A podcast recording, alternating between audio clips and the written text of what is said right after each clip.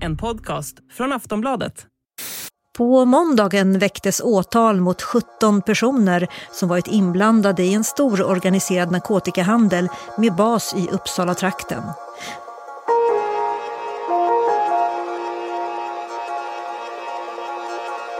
Flera hundra kilo amfetamin, ännu större mängder cannabis och fem handgranater.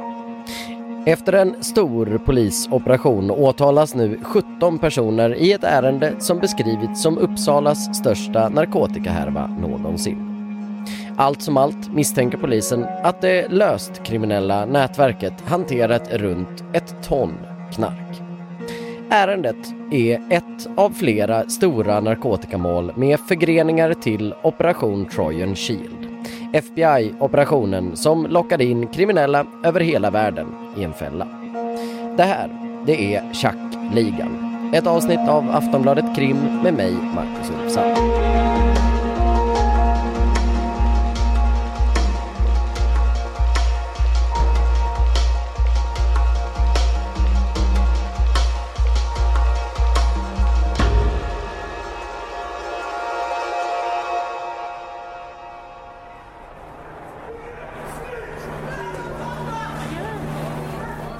Det här avsnittet börjar vi på Drottninggatan. Det är den 7 april 2017. En lastbil har precis kört rakt igenom en folkmassa på en gågata. Det är kaotiskt på platsen. Dådet som ska kräva fem människoliv har skett för bara några minuter sedan och kommer för alltid vara en del av svensk historia. Men att vi börjar här har egentligen ingenting att göra med det som resten av det här avsnittet ska handla om. Nej, det som är intressant för vårt avsnitt är ett ögonvittne som intervjuas direkt efter händelsen. En av Sveriges större tidningar har en fotograf på plats som ber vittnet beskriva vad han sett. Ja, jag, som sagt, jag såg, jag, såg jag, jag, kom, jag kom vid en avspärrning, jag var på väg till Drottninggatan. Och då såg jag massa filter, förmodar att det är döda människor som ligger under filtar. Men en kvinna levde fortfarande, hon fick sitt ben av, som var utan ben. Och då tog ambulansen henne. Och så såg jag en mosad hund som var mosad på gågatan. Mannen som pratar är då 33 år gammal. Han är uppvuxen i Malmö men tycks alltså befinna sig i Stockholm den här ödesdigra dagen. Kanske är han här för att fira att han ganska nyss blivit släppt från fängelse. Han fortsätter berätta om vad han sett. Människor skrek, folk är hysteriska. Den här dagen är han, i likhet med de flesta av oss andra, chockade över terrordådet han nyss bevittnat. Nu, fem år senare, figurerar han än en gång i medierna. Men nu i en helt annan roll. Nu så är han på flykt, efterlyst och misstänkt som en av de utpekade huvudfigurerna i en av de mest uppmärksammade polisoperationerna i modern tid.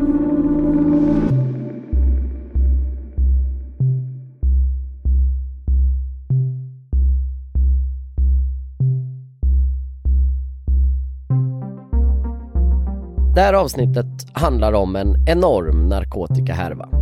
Ett ärende som beskrivits som den största knarkhärvan i Uppsala polisens historia. Mycket av det som berättas i avsnittet, det utspelar sig också just där. Men ärendet har internationella förgreningar och kopplas till ett polistillslag där hundratals kriminella greps mer eller mindre samtidigt runt om i världen. För oss tar historien avstamp i Attunda tingsrätt den 16 maj strax efter klockan 9 på morgonen.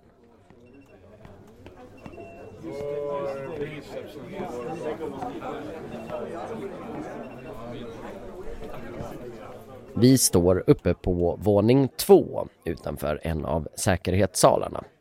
Det är mycket folk utanför salen. Advokater, några poliser och så en stor skara personer som tycks känna de som är involverade i målet. Det är lite otålig stämning i gruppen som står och väntar.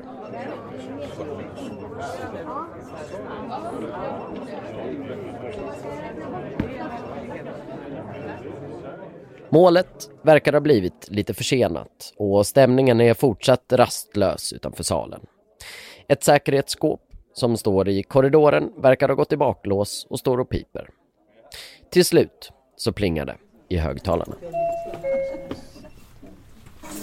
Uppsala tingsrätt håller huvudförhandling i målet 30... Det är en ganska rejäl apparat att få in alla åhörare i salen. Alla ska hitta en stol och vakterna verkar lite stressade.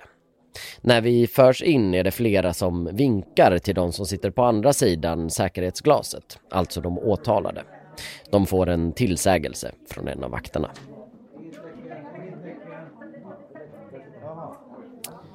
Efter många om och men så är vi på plats. Sen följer en lång harang av administrativa diskussioner och juridiska krångligheter som vi här väljer att snabbspola oss förbi. Efter en dryg halvtimme får åklagaren börja sin framställan och berätta vad det här målet handlar om. Vi hör åklagare Anna Arnell. Vi kommer att avhandla 13 olika åtal här. Och det gäller 17 stycken tilltalade som då de allra flesta då, förutom åtal 13 är åtalade just för att ha styrt eller för att man har deltagit i organiserad narkotikahandel. Eh, då med utgångspunkt i Uppsala. Målet som det här avsnittet ska kretsa kring gäller alltså 13 olika åtalspunkter där majoriteten av dem gäller grova narkotikabrott. Det hela utspelar sig under 2020 och 2021 och ska allt som allt innefatta över ett ton narkotika. I centrum står, enligt åklagaren, ett löst sammanhållet nätverk i Uppsala-trakten. Anna Arnell berättar. Den gemensamma brottsplanen då, eh, som vi påstår går som en röd tråd genom åtal 1 12 innebär att stora partier narkotika inom ramen för den här organisationen har importerats till Sverige under december 2020 till maj 2021.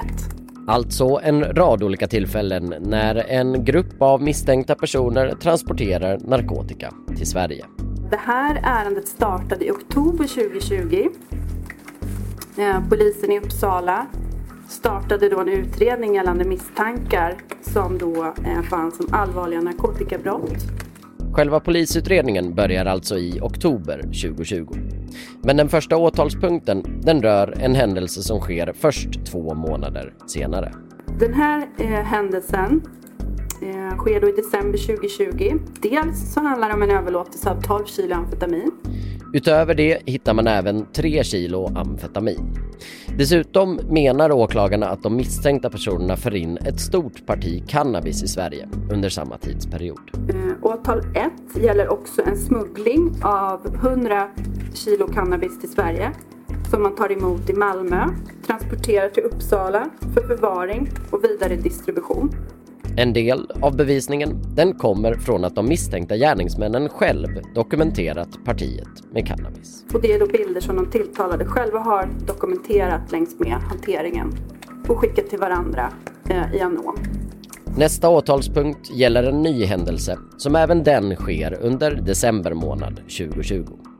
Och en sammanfattning då av den här händelsen eh, är att organiserade och styrde en leverans av ungefär 130 000 tabletter tramadol. Enligt åklagaren kommer tabletterna till Malmö i en utländsk lastbil. Tabletterna är inpackade och gömda inuti däck, något som ska vålla mottagarna en del problem. Två stora däck här eh, fyllda med tramadoltabletter inslagna i mindre paket. Och däcken var ganska svåra att, att transportera men efter lite om och men eh, så lyckades man få de här till Uppsala. Eh, men där fick man problem också med att skära upp de här däcken. Så man får ta in på en speciell verkstad där man då filmar också och visar hur man gör eh, för dem på en mer ledande nivå. Hur man försöker få fram de här tabletterna inuti de här däcken. Ja, än en gång står de misstänkta gärningspersonerna själv för en stor del av bevisningen. Bilder och filmer som de skickar till varandra genom krypterade mobiltjänster. Och här är också bild från Anom och det är inslagna paket eh, med tramadol som också är dokumenterat då av dem. Även här är bilder som de har dokumenterat själva. Ungefär en månad senare menar åklagaren att ett nytt stort parti med narkotika stoppas. Leveransen skulle anlända den 20 januari, men den blev försenad. Istället så anlände leveransen först då den 21 januari och då fastnade den i tullen i eh, Malmö. Den här gången så handlar det om ett stort parti amfetamin. Och i norra hamnen där i Malmö så beslagtog man 60 kilo amfetamin. Så här rullar det på. Åtalspunkt efter åtalspunkt där de flesta är snarlika. Vid något tillfälle handlar det om ett parti på 13 kilo kokain. En annan gång så är det över 200 kilo cannabis. I några av fallen har polis eller tull beslagtagit vissa delar av partierna, men stora delar av den narkotika som åtalen gäller har inte återfunnits. Även om ärendet främst kretsar kring personer med koppling till Uppsala så menar åklagaren att narkotikan levererats vidare ut i landet. Narkotikan har sedan transporterats, förvarats, distribuerats och överlåtits ut över hela Sverige i, i något mindre partier. Den har inte överlåtits till gatuledet av de här eh, tilltalade främst utan vi befinner oss fortfarande eh, i de allra flesta åtalen kommer vi befinna oss några steg upp i distributionskedjan för narkotika. Enligt åklagare Anna Arnell så är flera av de åtalade personerna som nu sitter i salen ledande figurer när det gäller narkotikasmuggling. Eh, flera av de åtalade har haft eh, ledande positioner inom narkotikahandeln och de har eh, engagerat andra personer för den fysiska hanteringen av narkotikan. Personerna som misstänks i det här målet skiljer sig lite från åtalspunkt till åtalspunkt, men vissa personer återkommer gång på gång. En av de misstänkta förekommer i samtliga åtalspunkter utom en. Någon annan dyker upp i en majoritet av åtalspunkterna. En tredje är bara misstänkt i ett enstaka ärende. Att gå igenom alla de 17 personerna som är involverade i målet skulle ta för lång tid för det här avsnittet. Vi har istället valt att fokusera på en person som återkommer i ett antal av åtalspunkterna. En person som sticker ut lite i sammanhanget. Av den enkla anledningen att han helt enkelt inte är här.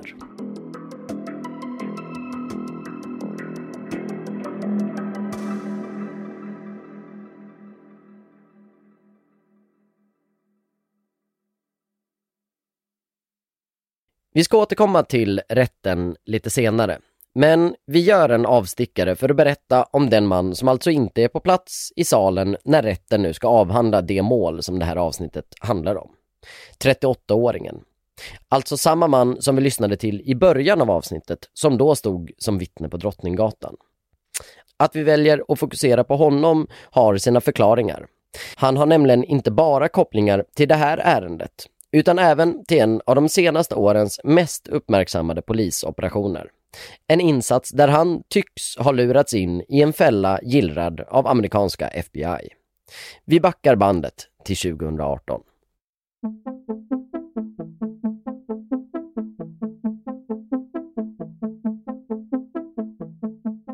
Allt börjar med att FBI rekryterar en hemlig källa.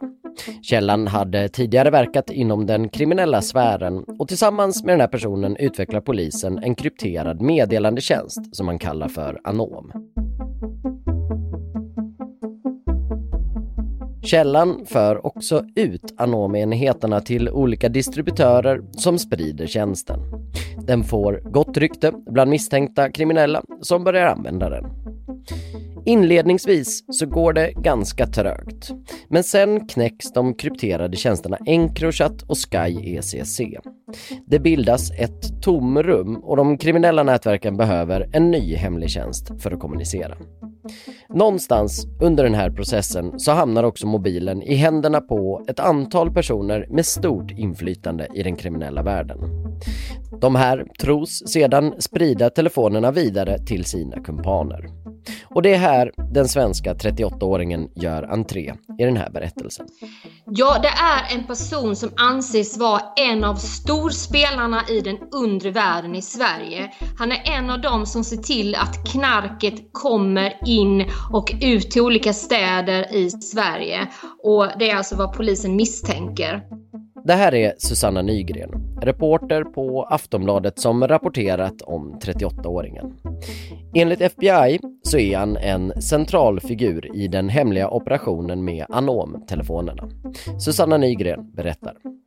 Det var ju så att den här Anom, eh, eh, de här krypterade telefonerna där den här appen som kallas Anom eh, fanns, de kom ut på den kriminella marknaden kan man säga och han anses vara en av dem som spred den här, de här telefonerna.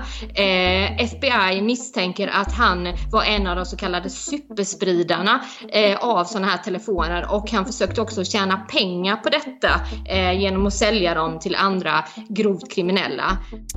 Men vad varken 38-åringen eller de andra personerna tycks veta om är att FBI läser varje meddelande som skickas med mobilerna i ehm, eh, realtid så kunde då FBI se de här meddelandena som skickades i de krypterade telefonerna och samla ihop dem och kate kategorisera dem och sen göra detta till en jättestor brottsutredning som avslöjade väldigt mycket av den grova kriminaliteten eh, både i Sverige och andra delar av världen.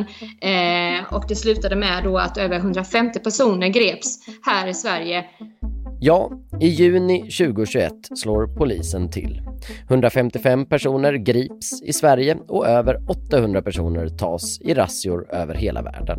Police forces around the world have made hundreds of arrests as part of a major sting targeting organized crime networks. arrests in 16 countries, a worldwide seizure of drugs, weapons, cash and property. The FBI and the U.S. Attorney announcing a sweeping sting operation with a direct connection Police say they've delivered a massive blow to organised crime in New Zealand as part of a major har gripits och ett tiotal planerade mord ska ha förhindrats i Sverige. I den hittills största insatsen mot Global police raids have included the Italian mafia, Asian crime syndicates, drugs cartels and illegal motorcycle gangs. More than 800 arrests in 16 different countries. Men bland alla gripanden så syns inte 38-åringens namn. Han häktas däremot i sin utevaro misstänkt för grovt narkotikabrott. Men trots att både polis i Sverige och USA är angelägna om att få tag på honom så har han förblivit på fri fot sedan dess. Enligt dokument som Aftonbladet tagit del av tror polisen att han befinner sig i Turkiet. Men längre än så har man inte kommit. Ja, han är ju sökt både av eh, FBI och eh, svensk polis. Och eh, svensk polis har varit i kontakt med, med Turkiet och liksom försöker få till ett gripande och man är också eh, väldigt angelägen om att, att han då sen så småningom ska överföras till Sverige. Men eh, det är lite oklart varför inte turkiska polisen ingriper mot honom. Enligt mina uppgifter så ska det vara så att de har eh, vetskap om var någonstans i Turkiet han befinner sig och ändå så ingriper man inte. Så det, det är oklart men eh, såklart eh, det finns en frustration hos svensk polis över att det här ännu inte har inträffat.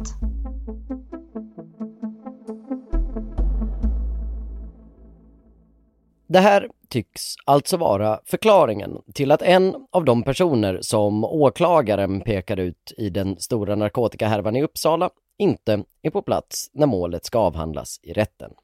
Hans frånvaro den adresseras tidigt av åklagare Anna Arnell.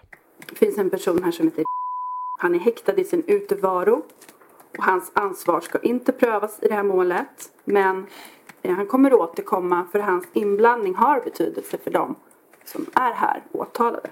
Senare under sakframställan så beskriver åklagarsidan även hur de menar att hans roll i narkotikaaffärerna har sett ut. Och då är det återigen som är inblandad. Och som vi bedömer vara liksom den, den utländska kontakten som är ofta startpersonen i, i kedjan, i händelserna. Men det är värt att upprepa det som Anna Arnell nämnde inledningsvis. Eftersom 38-åringen inte är på plats så går det inte att pröva hans skuld. Det är därför viktigt att påpeka att han i det här ärendet alltså varken är åtalad eller dömd för något och därmed ska betraktas som oskyldig. I arbetet med det här avsnittet så vänder vi oss också till hans advokat Tobias Enoksson för att höra om han har något att säga om de anklagelser som riktats mot hans klient. Hans svar är som följer. Som ni känner till så är min klient inte påträffad eller frihetsberövad. Man har därför inte kunnat delge honom någon brottsmisstanke och han är således inte heller åtalad för något brott i nuläget. Därav följer att eftersom någon konkret misstanke inte riktats mot honom och jag inte haft möjlighet att samråda med honom angående eventuella brottsmisstankar är det svårt att ge något mer utvecklat svar än detta.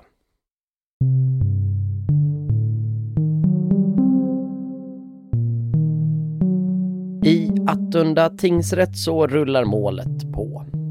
Åklagaren går översiktligt igenom åtalspunkt efter åtalspunkt.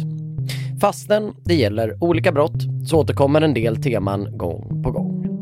Anna Arnell, en av åklagarna i målet, väljer att lyfta fram en bild som hon menar sammanfattar målet.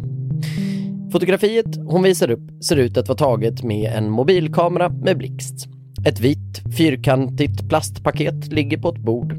Det ser ut att vara fyllt med pulver och ovanpå paketet står det skrivet med stora bokstäver. Tjack. Den här bilden kommer från Anom. Eh, utredningen bygger till stor del på det materialet. Utredningen kommer också handla mycket om amfetamin, eller tjack som det också heter. Som man ser här eh, eh, eh det är stämplat med det här amfetaminet med tjack tydligt. Och den här bilden från Anom tycker vi liksom sammanfattar på många sätt hela det här ärendet. Eh, Anom-materialet ger oss en unik möjlighet att få se den här verksamheten verkligen från insidan i alla olika steg. Användarna har känt sig trygga att kommunicera helt öppet på Anom. Här ser vi rykande färskt fabrikstillverkat amfetamin som de tilltalade själv har dokumenterat. Ett återkommande modus är att de har skickat bilder med bekräftelse av partier för att visa hur det går vid överlåtelser eller vid transport, hur mycket det är, hur ser det ut. Här har man ju då visat hur den här stämpeln ser ut och hur det är förpackat, amfetaminet. När vi lämnade rätten förra gången i det här avsnittet så befann vi oss i januari 2021. Polisen hade då identifierat ett antal olika tillfällen då olika personer misstänks ha försökt transportera in stora mängder narkotika i Sverige. Under våren 2021 så fortsätter det. Åtalspunkt efter åtalspunkt läggs till i åklagarens lista över händelser. Åtal 4, det gäller 30 kilo cannabis. Åtal 5, det gäller 17 kilo cannabis. Åtal 6, där handlar det om 13 kilo kokain. Under mars och april tycks de misstänkta personerna varva upp verksamheten. Partierna med narkotika, de verkar bli större. Åtal nummer sju gäller 100 kilo amfetamin. Åtal 8 gäller 120 kilo av samma typ av narkotika. Den här gången lyckas polisen dessutom stoppa en stor del av leveransen genom att göra ett tillslag mot en person som ska ha anlitats för att lagerhålla partiet. Men polisen eh, gjorde ett tillslag hemma hos den här personen som de hade anlitat då. Och där tog man ungefär 85 kilo amfetamin i beslag. Av det här ursprungspartiet som man bedömer är ungefär 120 kilo. Några veckor senare tycks de misstänkta personerna bli av med ytterligare ett stort lass narkotika. Den här gången gäller det en rejäl last med cannabis. I just den här åtalspunkten är enbart en person åtalad. En av dem som pekats ut som ledarfigur i just den här härvan. Och, eh, har i det här fallet då förhandlat fram eh, ungefär 261 kilo cannabis tillsammans med andra personer. Då har andra också köpt in sig i det här partiet. Och så ordnar han då via kontakt han har då en transport av det här haschet från Spanien till Sverige. Och det här haschet det göms i några pallar med golvklinkers. Men narkotikan åker av någon anledning inte direkt mot Sverige. Lasten den tar en omväg. Åklagare Jenny Clementsson förklarar. Narkotikan transporteras inte raka vägen från Sverige eller från Spanien till Sverige utan det går via Österrike.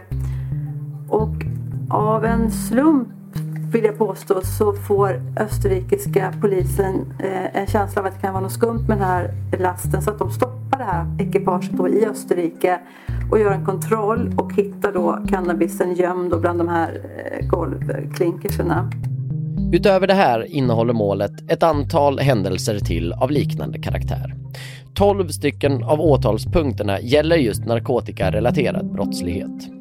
Dessutom finns en åtalspunkt som gäller en överlåtelse av en handgranat som enligt polisen ska ha använts för en konflikt i södra Stockholm. Allt som allt presenterar åklagaren under den här första dagen 13 åtalspunkter som skett under en tidsperiod på drygt ett halvår. I juni 2021 slår polisen till.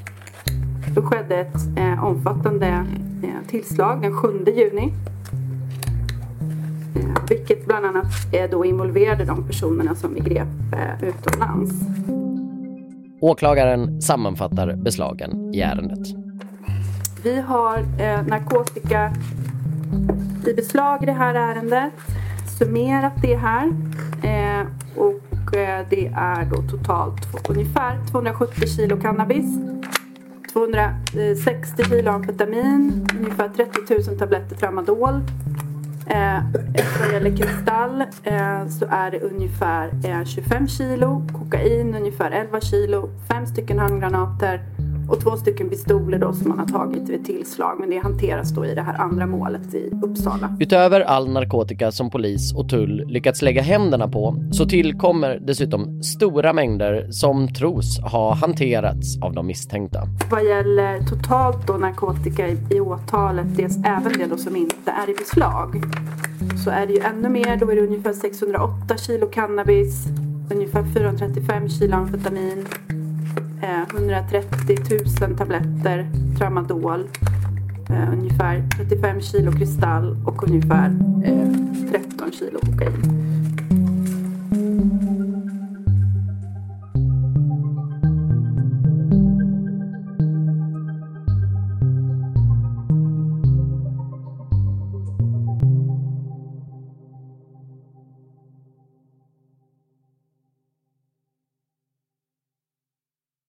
När det här avsnittet spelas in så är det långt kvar av huvudförhandlingen i det här målet. Det är ett omfattande ärende och det hela tros hålla på i rätten fram till mitten av november. Det är värt att påpeka igen att ingen dom har alltså fallit och de åtalade ska därför betraktas som oskyldiga. Målet det är ett av flera stora under de senaste åren där krypterade chattar spelat en stor roll. Med Encrochat, Sky ECC och Anom har polis fått en närmast unik insyn i olika kriminella organisationer och i flera fall har man kunnat komma åt de utpekade toppskikten i olika kriminella nätverk. Frågan som många ställt sig är vad som händer sen. Vad blir egentligen effekten när tongivande kriminella aktörer försvinner? Vi vände frågan till Jale Poljarevius. Han är polismästare och underrättelsechef i Region Mitt. Eftersom målet som det här avsnittet handlar om ännu inte är avgjort vill han inte uttala sig i detalj om ärendet eftersom det fortfarande pågår, men han kan uttala sig i generella termer. Det här är ju en mycket viktig rättegång för det som kommer att hända i framtiden i Uppsala. Det är centrala individer som står åtalade som är väldigt viktiga och strategiskt viktiga för framtiden när det gäller brottsbekämpning. Och eh, man kan väl säga Två scenarier skulle kunna utvecklas i det här. Det ena är ju att det blir väldigt, väldigt lugnt eftersom de här människorna sitter då inkapaciterade för tillfället. Eh, men det andra scenariet är också att det kan faktiskt börja öka när det gäller antal skjutningar. Eftersom vi har ju sett bland annat i Västmanland förra året vid den här tiden. Då hade vi inkapaciterat ett stort antal strategiskt viktiga personer och det skapade ett slags vakuum som gjorde att nya aktörer vill in på marknaden. Och då kan det dels bli att om det finns några kvarlever från gamla organisationen, om det är så att de försvarar sina andelar, då kan det uppstå konflikter och ibland kan det resultera i skjutningar, skadade och kanske till och med dödade. Men det kan också betyda att man, om, om det är så att hela grupperingen är bortplockad och nedmonterad, ja, då är det nya grupperingar som kanske vill ta de här marknaderna och så börjar de konkurrera med varandra och det kan i sin tur också hända då att man hamnar i konflikt och att antalet skjutningar ökar. Så att det är jättesvårt att förutse, men det är ungefär de två varianterna som, som vi kan förvänta oss framöver. En stor del i det här målet det är, bygger ju på krypterade chattar, inte bara, men en del av det, det är både Anom och Sky ECC. Um, ehm, det är ju inte det enda målet där det är, bygger mycket på krypterade eh, chattar. Eh, hur skulle du beskriva effekterna av att man har fått tillgång till det här materialet? Vi har ju aldrig haft så pass bra underlag. Sen är det precis som du säger, det bygger ju inte bara på de här dekrypterade chattarna utan det bygger ju på massa andra delar också. Men de är en oerhört viktig komponent när det gäller bevis och när det gäller lagföring också när det gäller det som vi har lyckats slå ut. För ibland har vi kunnat jobba i realtid med de här delarna också. Eh, det som är oerhört viktigt här också det är ju att vi har fått en inblick, en unik inblick i hur de här människorna tänker, hur de planerar och så vidare. De har ju verkligen varit sig själva när de har använt de här dekrypterade chattarna.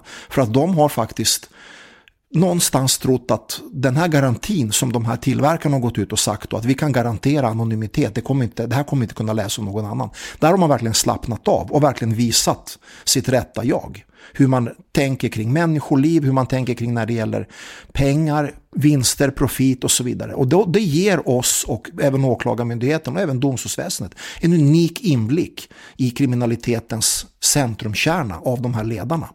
Sen har det givetvis, det här har ju betytt också att lagföringen har ju betytt också att pengar har försvunnit, narkotika har försvunnit, vapen, logistiken har ju försvagat de här människorna markant. Och det här är ju också avgörande. Jag tror inte att vi någonsin har haft så många strategiskt viktiga personer inlåsta som vi har just nu. Och mycket av det är ju tack vare det här dekrypterade materialet. När du säger strategiskt viktiga personer, vilka är vilken typ av personer är det man pratar om då?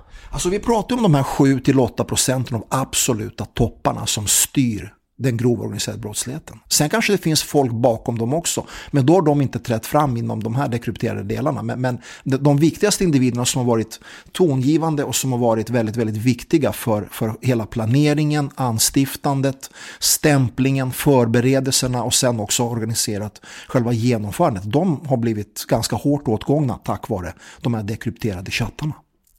Eh, där har ju varit ett ganska stort genombrott för rättsväsendet med de här dekrypterade chattarna. Um, tror du att den dörren är stängd nu? Att de kriminella kommer sluta använda den här typen av kommunikationsmetoder? Nej, det tror jag inte. Jag tror att kommunikation är ju oerhört viktig för den grova organiserade brottsligheten. Precis som den är viktig för all annan verksamhet, både affärs, legal affärsverksamhet eller militär, polisiär verksamhet och allt annat. På samma sätt så måste de kommunicera. Och, och det, det, är nämligen så här, vi, vi, har också märkt genom de här dekrypterade chattarna att vi pratar ju om nästan om interkontinental verksamhet. Det är ju minst tre kontinenter som är inblandade i den här grova organiserade brottsligheten. Vi pratar Sydamerika, vi pratar Afrika, vi pratar Europa. Och, och att, att sluta bara kommunicera och, och liksom jobba på de här tre kontinenterna. Det, det, kräver ju ganska svåra åtgärder om man skulle välja någon slags fysisk kommunikation. Att vi bara ska prata liksom så som du och jag gör nu. Det kommer inte gå.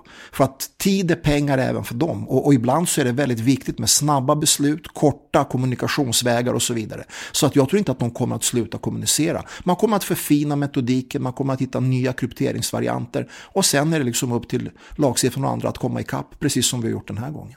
Du har redan varit inne på det lite, men man pratar ju ofta om någon slags återväxt i de här miljöerna. Att plockar du bort några så kommer några andra och försöker utnyttja tomrummet. Eh, nu när ni har plockat bort så mycket strategiskt viktiga personer och även andra, alltså hur har ni sett effekterna av det? Vad, vad har blivit följderna av det?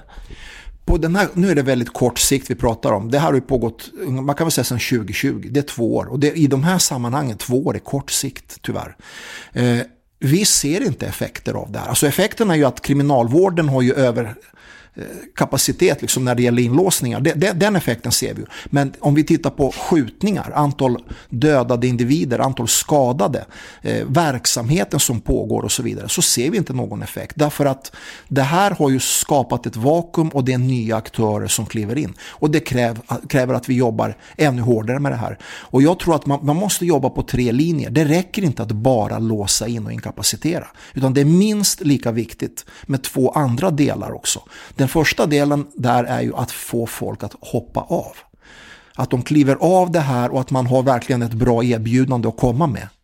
Eh, att, att man kan visa då att vi, vi kan erbjuda utbildning, jobb och att du kan försörja dig på annat sätt än att du ska tyvärr bara begå brott. Och den andra viktiga delen är att jobba med rekryteringsdelen så att man inte eh, får in massa nya unga killar och tjejer som håller på med det här. Jätte, jätteviktigt med de två delarna. Om vi säger lärdomarna från Anom och Sky och även Encrochat, alltså hur kan det förändra svensk polis arbete framåt? Ja, dels ser vi ju att påfyllnaden fortsätter ju trots att vi har gripit. Och, och, och, där har vi faktiskt att den brottsförebyggande delen måste vi öka vår förmåga i. Så att vi kan jobba med avhopp och så att vi kan jobba med att stoppa nyrekryteringen. Det är en del som vi kan dra som en väldigt tydlig slutsats eftersom påfyllnaden fortsätter ju trots in, in, våra frihetsberövanden och inkapaciteringen. Den andra delen är ju också att vi måste utöka vår förmåga när det gäller IT där vi kan jobba betydligt mer och jag skulle någonstans önska att vi hade samma kapacitet både juridiskt men även IT-mässigt som fransmän, holländare och belgare har. För mycket av det här arbetet har ju kommit via deras eh, förmåga som de har ställt upp. Titta, lära av dem och använda det här i våran vardag så att vi inte är beroende av andra. Sen är det ju jättebra att vi har EU och att vi kan faktiskt få ta del av de här Det är oerhört tacksamt och det är förmåga där vi kan jobba tillsammans internationellt med det här. Men det vore ändå önskvärt att kunna ha en egen förmåga och kunna hitta det här. För då kanske det har gått ännu snabbare när det gäller tid.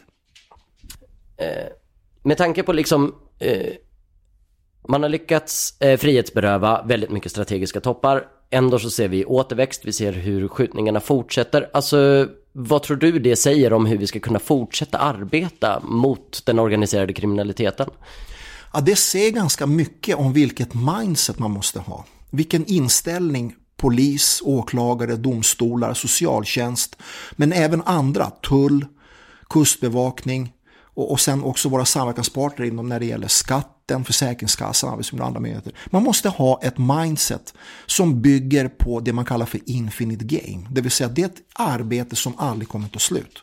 Jag tror det finns något gammalt latinskt uttryck som romarna använde sig som gick ut med att obi societas ibi delictus, ungefär där det finns ett samhälle kommer att finnas brott.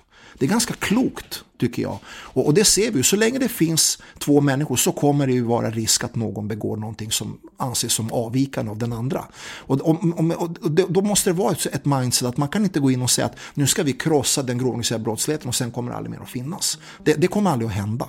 Utan att man har ett mindset, att man har monterat ner en gänggruppering. Att man direkt jobbar med analysen att kommer, har de kapacitet att fortsätta nu via någon slags mindre format eller, eller kanske i reducerat antal antal eller är de helt borta och i så fall om de är helt borta, vilka andra kommer nu att besätta där? Att man försöker se lite runt hörn skulle man kunna säga. Det är jätteviktigt att man har ett sånt förhållningssätt när man jobbar och det, det gäller samtliga myndigheter som har någon form av aktier i bekämpning av grov organiserad brottslighet.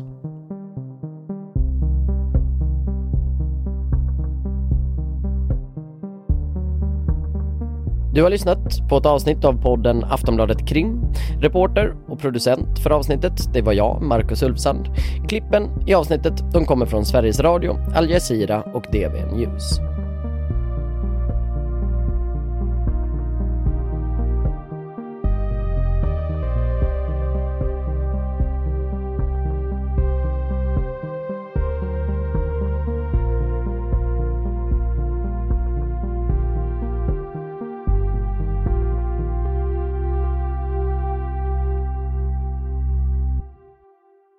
Du har lyssnat på en podcast från Aftonbladet.